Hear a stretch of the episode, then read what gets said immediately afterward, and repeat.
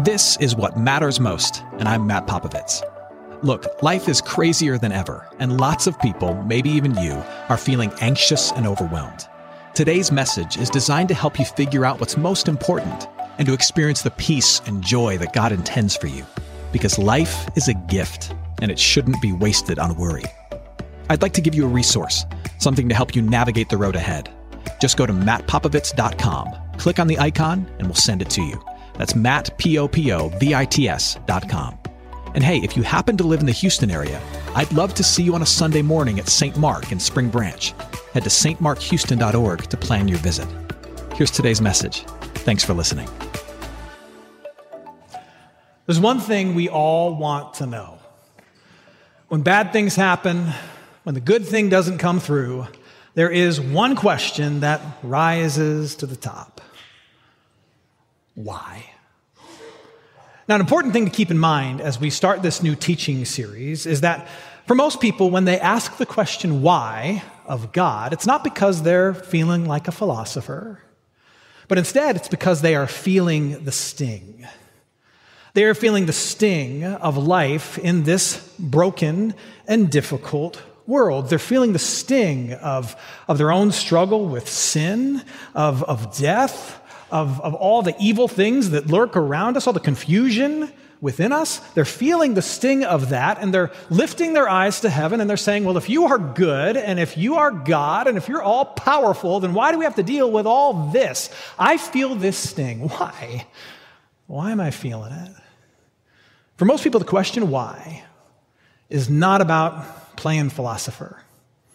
It's about trying to find some rhyme or reason for the sting that we feel in this life. And today, as we kick off this series, uh, we're going to look at what is, what is arguably the foundational question, uh, the, the biggest of whys that people of faith may feel compelled to ask of our God. And that question is why is sin even allowed in the first place?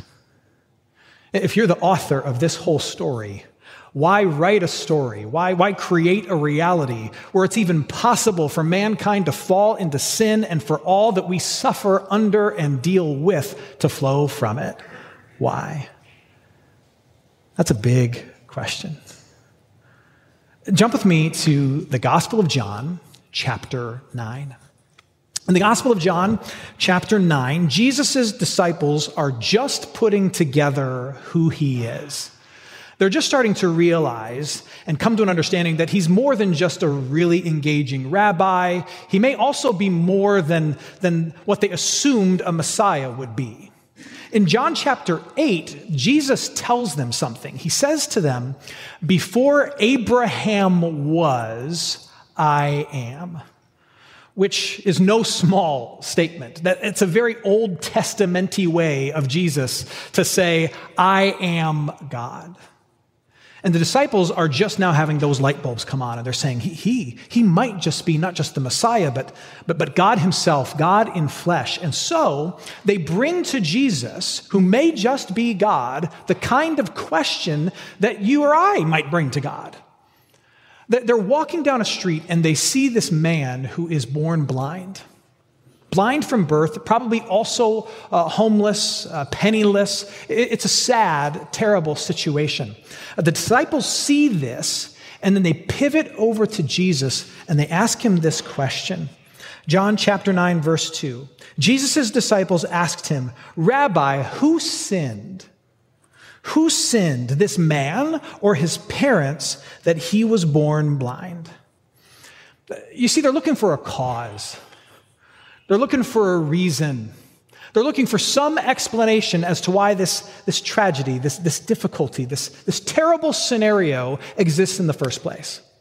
And the text doesn't tell us, but I think it's safe to assume that, that their motivations in asking that question of Jesus is the same motivation that you and I have for asking our questions of why when we see something terrible in the world. We think that if we can get an explanation, that we'll have a deeper sense of peace. Or we think that if we, if we get some kind of understanding for why all of this is allowed to exist in this dysfunctional, sinful way, that, that we'll have a greater sense of control in this chaotic world. And so we see something terrible, we see something awful, and we look up to the heavens and we go, why? But know this when it comes to the biggest of why questions, such as, why is this even possible in the first place? God doesn't answer that question. At least not in a way that is really satisfying to us. Because you see, what you and I are asking when we ask that why question, what we're asking is to get inside the mind of God. What we're asking for is an opportunity to sit on his throne just for a second. Just sit where he sits and see his lay of the land, have a bit of his perspective, to see what he sees, to know what he knows. We want just a glimpse into his mind, thinking that we can handle it, thinking that it will make everything make sense. But here's one thing that we know about God that God's mind belongs to God alone. And that even though we want a piece of it, He keeps it from us. I'm reminded of this from a couple of scriptures Deuteronomy chapter 29, verse 29. It says this. If you don't know this verse, it's a good one to memorize. Deuteronomy 29, 29. It says, The secret things belong to the Lord our God. There are certain things that mankind will never get access to or be privy to. Uh, the chief among them being God, why do you do what you do? Why do you allow what you allow? Ultimately, like, why? Why? But the things that are revealed, so there are some things that have been revealed to mankind, belong to us and to our children forever that we may do all the words of this law. Isaiah 55. This is the voice of God. This is God speaking to the prophet Isaiah. God says this For my thoughts are not your thoughts, neither are your ways my ways, declares the Lord. We want the mind of God, but God says no. My mind is not yours. Now, the first thing that comes to mind for you and me when we hear that is, well, why? Why can't I know what he knows? Why can't I sit in his chair? Why doesn't he let me know the things that he's privy to as God? Well, I think there's at least three reasons why God puts a limit on his answering of why. And the first is this He knows that the whys will never end. Remember that he's the father, which makes us what? Children. And we are not grown adult children in his eyes. We are tiny, small children. And there's nothing that children love more than the word why. And God knows that if He were to even attempt to give us some sense of understanding His perspective, that it wouldn't satisfy us. We would simply respond with, but why? Second reason why God puts a limit on our ability to get an answer to that question of why when it comes to, to His mind is because He knows that even if He did give us an explanation of it, we could not grasp it. Do you think your mind can hold what is in His? Come on. Uh, the third reason why God puts a limit on our understanding of the answer to the question why he, he does what he does and allows what he allows is not just because it's, it's going to hit a ceiling. It's not just because we're, we're not going to understand it. Third reason is this it's not our business. And I know you hate that one. And I know, I know you hate it because I hate it too. It's not our business. Uh, who are we to think that God, in any capacity, has to show us his homework? And yet, that is at the heart of the very first sin. That, that first sin in the Garden of Eden, where, where Adam and Eve eat the fruit they're not supposed to eat because they listen to the serpent who gets them to second guess all of God's motivations. And basically, what the serpent says is, Don't you have a right to know what God knows? At the heart of that sin is this idea that God is somehow accountable to man, or that the Creator is somehow responsible to the creation. And the answer to that is He is not. The primary reason why we don't get to know what He knows is because it is none of our business, and we hate that. He is God, and we are not, and we can't stand it. Now, that's not to say that he, he gives us nothing. And Jesus gives a good example of this. So, Jesus, again, in the Gospel of John, chapter 9, he's asked this question Who sinned, this man or his parents, that he would be born blind? And, and Jesus gives them an answer. He doesn't tell them why such a thing exists in general, but, but what he does is he says, but well, he gives them a reason for why that man's blindness in that particular moment is before their eyes. Listen to this John chapter 9 Starting at verse 3 now, Jesus answered, It was not that this man sinned or his parents, now here's the key, but that the works of God might be displayed in him. Jesus is speaking in a bit of code here when he says the works of God. He's talking about himself. In that particular moment, what is the work of God that he is revealing to the world? Well, it's, it's Jesus and who he is and, and what he brings and all that he's going to accomplish. So Jesus is saying this This man is before our eyes blind because God is going to use him to continue to reveal to you who I am. And immediately after that statement, what does Jesus do? Jesus takes some saliva and he, and he takes some dirt from the ground and he rubs it all together and, like Mr. Miyagi style, 80s reference. He, he puts it on the eyes of the man born blind. And then, once the man rinses his eyes in the pool as commanded by Jesus, what happens? He can see. And what does that further affirm for the disciples? This man's not just a rabbi. He's not just the, the Messiah. He's even more than that. He is God in flesh. He gives the blind their sight. He exists in that moment to reveal the greatness of God in Jesus Christ. That's why he's there. And Jesus says immediately after that moment, he says, But what's more important is not that this man gains his sight, but that the world gain its sight and see me, because I, Jesus Christ, am the light of the world. And what does he mean by that? Jesus is the means by which humanity will be able to see and perceive what can be known of God. There are things that you will never know of God because He's God and you're not. But there are things that are revealed to you and me that we must know, that we need to know, that we're dying to know in order to live. And Jesus is the light that shines on the reality of God and shows those necessary things to us. I like to put it like this You cannot know the mind of God, but but Jesus reveals to us the heart of God. And those are the things that we, that we can know. We, we can know how God feels about us. We can know what are his plans for us. We can know the promises that he's made to all of us. That's the heart of God. And I would argue the heart is better than the mind in this particular case. You may want an answer to all these other questions, but what you need is God's heart revealed to you in Jesus Christ, how much He loves you, what His plans are for you, and all the promises that are true for you. That's what you need to know.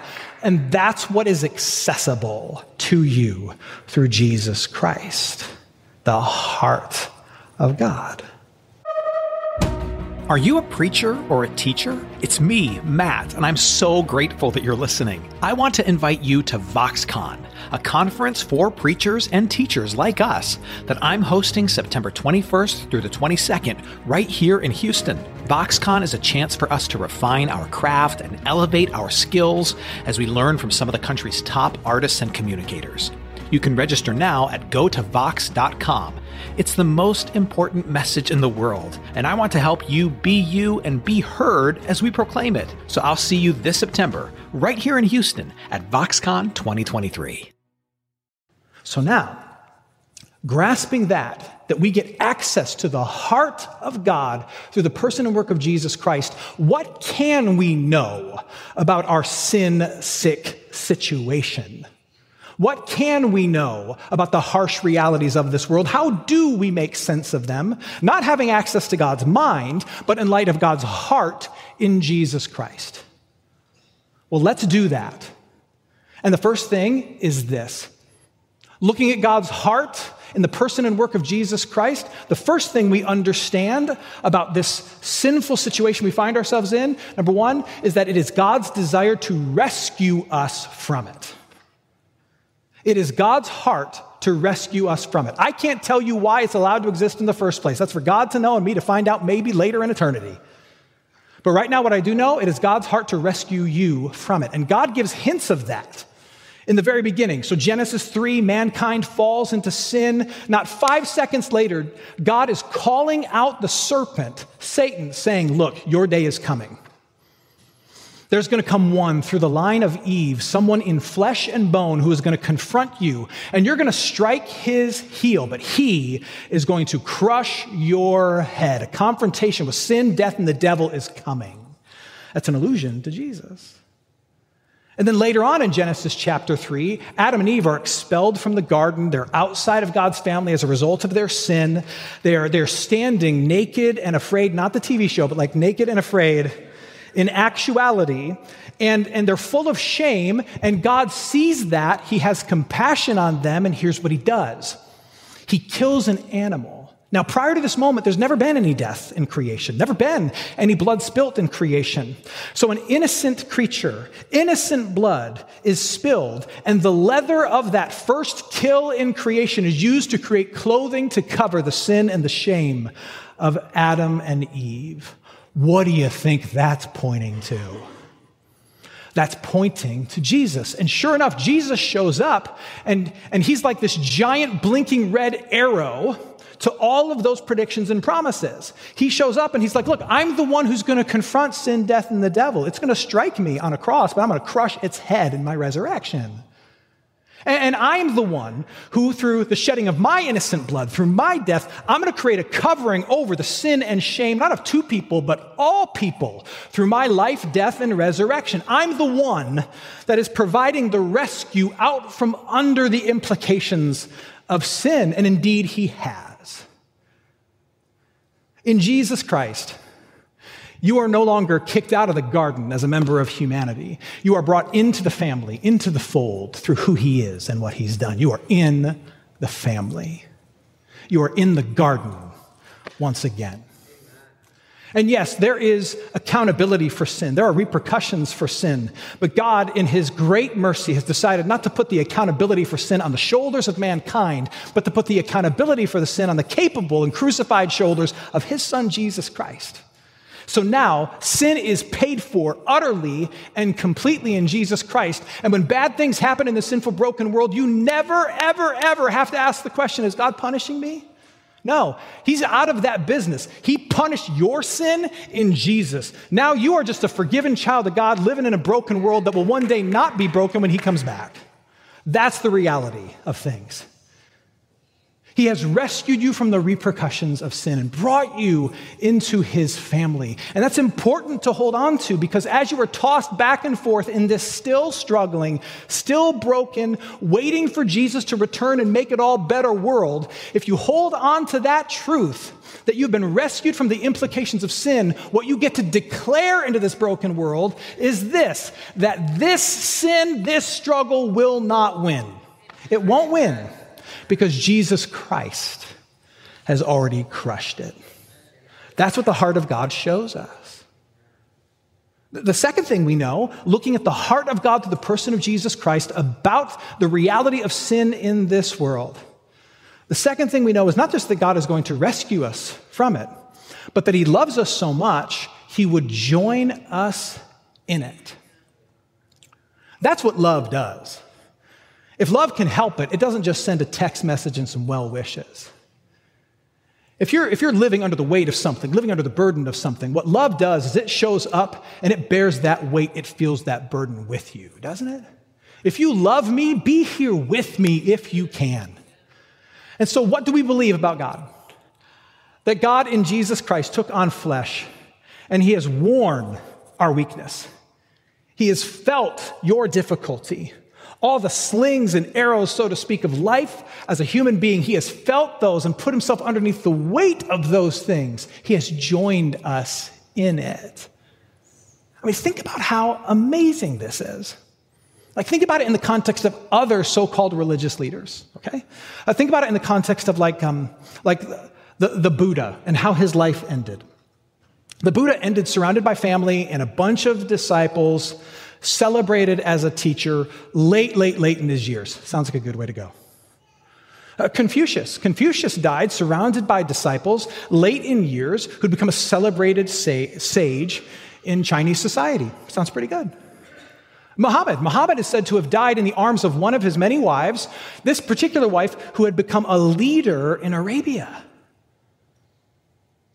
How does Jesus, who's not just a religious teacher, but is God's own son, God in flesh, he, he enters into this world, and what is his experience? He places himself under the worst of it all. How does he die? He dies at the young old age of 33 and he's executed in the worst possible way. All that to say, the worst of what this world has to offer, he put himself under it, and he did it for you.